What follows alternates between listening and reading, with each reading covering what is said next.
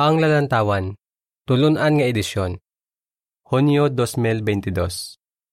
Tulunan nga artikulo 24. Ini nga artikulo pagatunan sa simana sang Agosto 8 hasta 14. Handa gid magpatawad si Jehova. Teksto nga ginbasihan sini nga artikulo. Ikaw o Jehova, maayo kag handa sa pagpatawad, bugana sa mainunungon nga gugma para sa tanan nga nagapanawag sa imo. Salmo 86.5 Ambahanon 42 Ang pangamuyo sang alagad sang Dios. Ang binagbinagon sa sininga artikulo. Paagi sa pulong ni Jehova, ginapasalig niya kita nga handa niya patawaron ang mga nakasala nga nagahinulsol.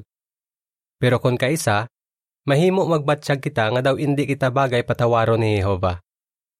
Sa sininga artikulo, Binagbinago naton kung nga ama kasigurado kita nga patawaron gid kita sang aton Dios kung matuod kita nga nagahinulsol sa mga sala nga nahimo naton. Para po uno pamangkot. Ano ang gintudlo sa aton ni Hari Solomon sa Manugwali 7:20? Nagsulat si Hari Solomon, wala sing matarong nga tawo sa duta nga nagahimo pirmi si maayo kag indi makasala. Manugwali 7:20 Matuod gid ini. Tanan kita makahimo gid sang sala. Gani kinahanglan naton tanan ang pagpatawad sang Dios kag sang iban. Para po dos pamangkot. Ano ang mabatsagan mo kung patawaron ka sang imo suod nga abyan? Sigurado gid nga nadumduman mo pa ang tion nga nasakit mo ang balatsagon sang imo suod nga abyan. Gusto mo nga mag-ayuhay ka muliwat, gani sincero ka nga nagsuri sa iya. Ano ang nabatsagan mo sang ginpatawad kaniya? Nagtawhay bala ang imo pamatsyag? Oo. Magluwas sa sini, sigurado nga nalipay ka man. Para po tres, pamangkot. Ano ang binagbinago naton sa sini nga artikulo? Gusto naton nga mangin aton pinakasuod nga abiyan si Jehova. Pero kung kaisa, may mahambal o kung mahimo kita nga makasakit sang iya balatyagon. Nga makasigurado kita nga patawaron gid kita ni Jehova. Ano ang kinalain sang pagpatawad ni Jehova kag sang ginahimo naton nga pagpatawad sa iban? Kag sin-o ang ginapatawad sang Dios? Si Jehova handa sa pagpatawad. Para po 4 pamangkot. Nga makasigurado kita nga si Jehova handa sa pagpatawad. Ginapasalig kita sa pulong san Dios nga si Jehova handa sa pagpatawad. Sa bukid Sinai, ginsugid ni Jehova ang iya mga kinaiya kay Moises paagi sa isa ka anghel. Nagsiling siya, Si Jehova, si Jehova, isa ka Diyos nga maluluyon kag mainawaon.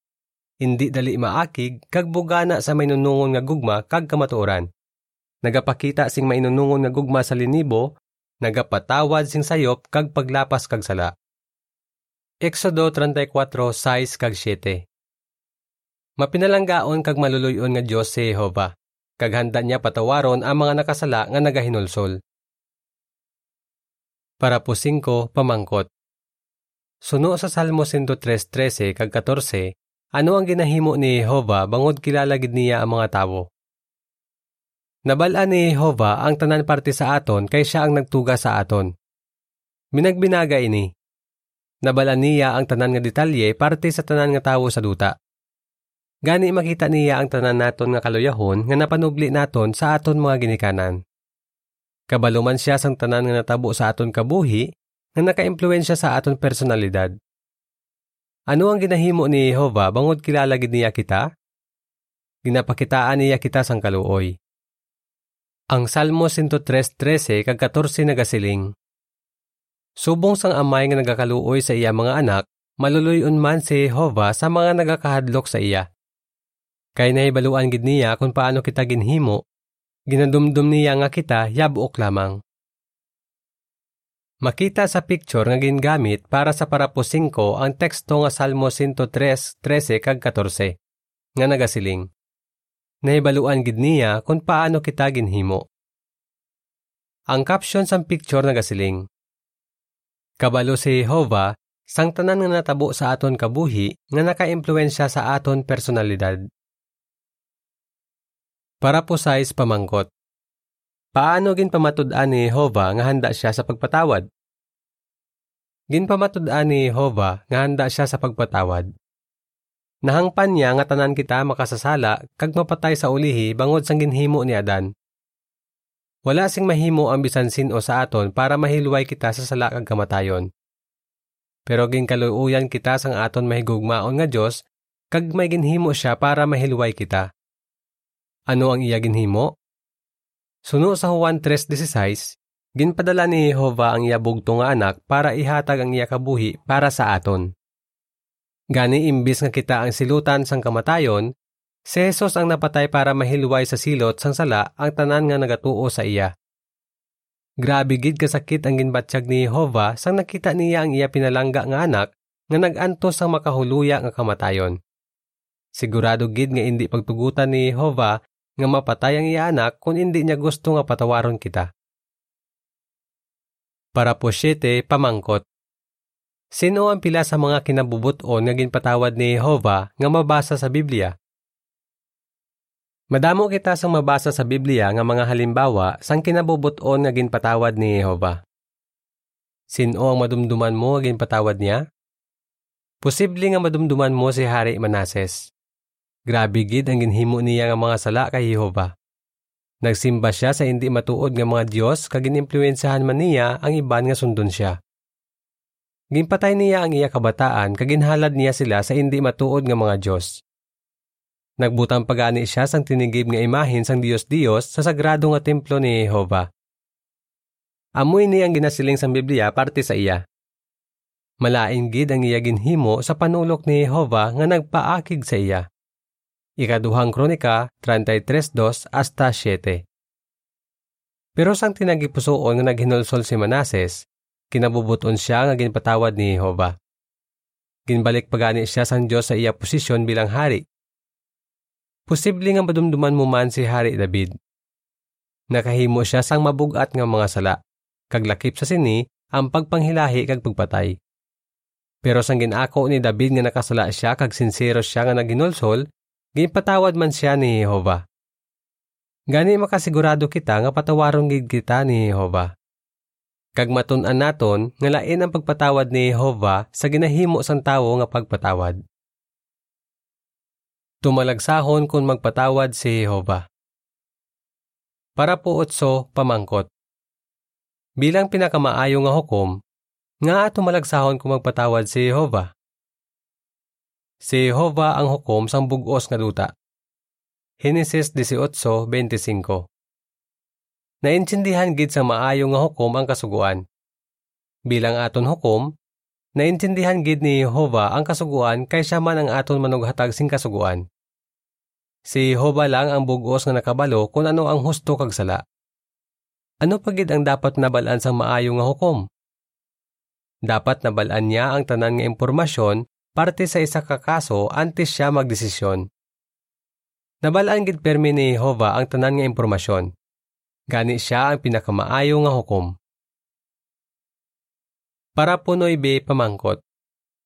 Kung magdesisyon si Jehovah nga patawaron ang isa ka tawo, sa ano ini nabase? Hindi pareho sa mga tawo nga hukom, nabalaan gid pirmi ni Jehova ang tanan nga impormasyon sa bisan anong nga kaso nga iya desisyonan. Hindi siya pareho sa mga tawo nga nagadepende lang sa ila makita kag mabatian. Nahangpan gid ni Jehova kung ano ang nagaimpluwensya sa isa ka tawo nga himuon ang isa ka buhat. Nagaimpluwensya sa iya ang mga kinaiya kag batasan nga napanubli niya sa iya mga ginikanan ang iya ineskwelahan, ang lugar nga iya gindak-an, kag ang kondisyon sang iya emosyon kag hunahuna. Mabasa man ni Jehova ang tagipusoon. Nahangpan gid niya kung nga ginahimo sang isa ka tawo ang isa ka buhat. Makita ni Jehova ang tanan. Gani kung magdesisyon si Jehova nga patawaron ang isa ka tawo, nabase gid ini sa kompleto nga impormasyon. Para po Jess pamangkot. Nga makasiling kita nga matarong kag patas permi ang paghukom ni Jehova. Matarong kag patas permi ang paghukom ni Jehova. Wala gid siya sing ginapasulabi. Kung magpatawad siya, wala niya ini ginabase sa hitsura, manggad, pagkaprominente, o kon mga abilidad sang isa ka tawo. Wala sing makapahog kay Jehova kag hindi gid siya masuhulan. Kung nagadesisyon siya, wala niya ini ginabase sa iya kaakig o kon emosyon. Sigurado gid nga si Jehova ang pinakamaayo nga hukom bangod na hangpan gid niya kita kag ang aton kahimtangan. Ang Deuteronomio 32:4 nagasiling. Ang igang himpit ang iya hinimuan. Matarong ang tanan niya nga ginahimo. Matutom siya nga Dios kag wala gid sim pagkadi matarong sa iya. Matarong siya kag matadlong. Makita sa picture nga gingamit para sa parapudjes ang teksto nga Deuteronomio 32:4 nga nagasiling. Ang igang himpit ang iya hinimuan. Ang caption sa picture nagasiling. Matarong, patas, kag wala sing ginapasulabi si Jehova. Hindi gid siya masuhulan. Para po onse, pamangkot. Nga alain ang pagpatawad ni Jehova sa ginahimo sang tawo nga pagpatawad. Ginpakita sa mga manunulat sang Hebreyong kasulatan nga tumalagsahon kung magpatawad si Jehova.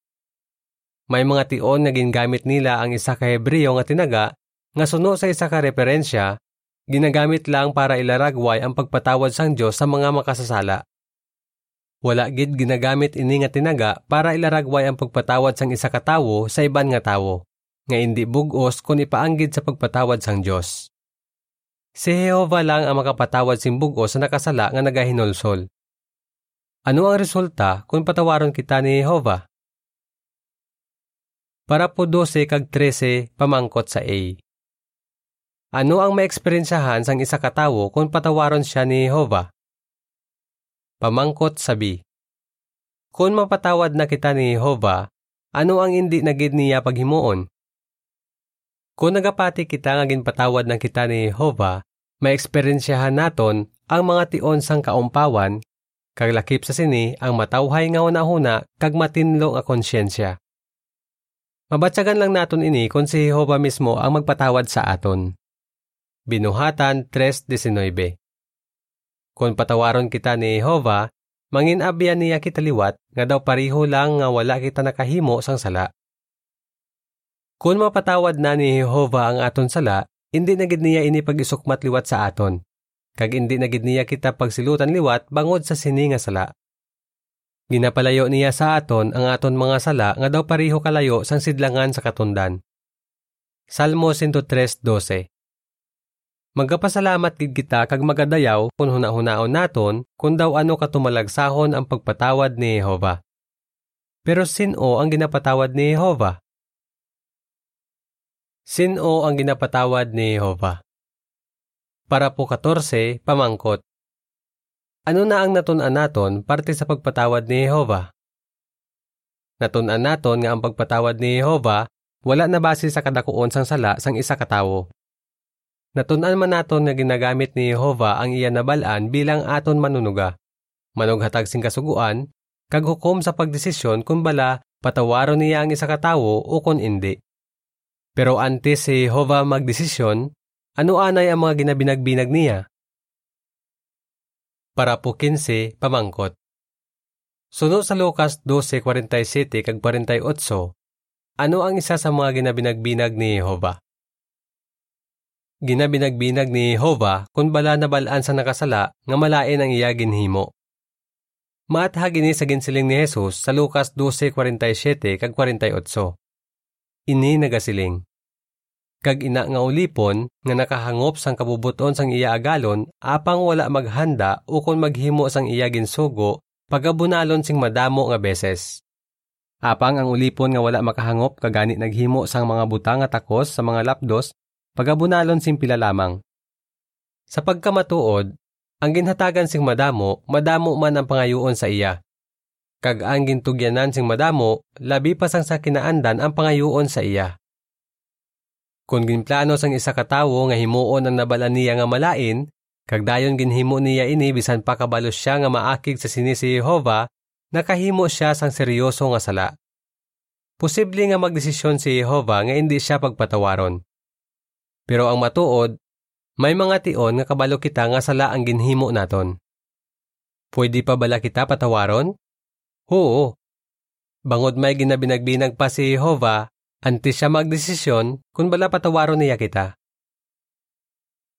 Para po 16 pamangkot. Ano ang buot silingon sa paghinulsol? Kaga dapat gid kita maghinulsol kung gusto naton nga patawaron kita ni Jehova.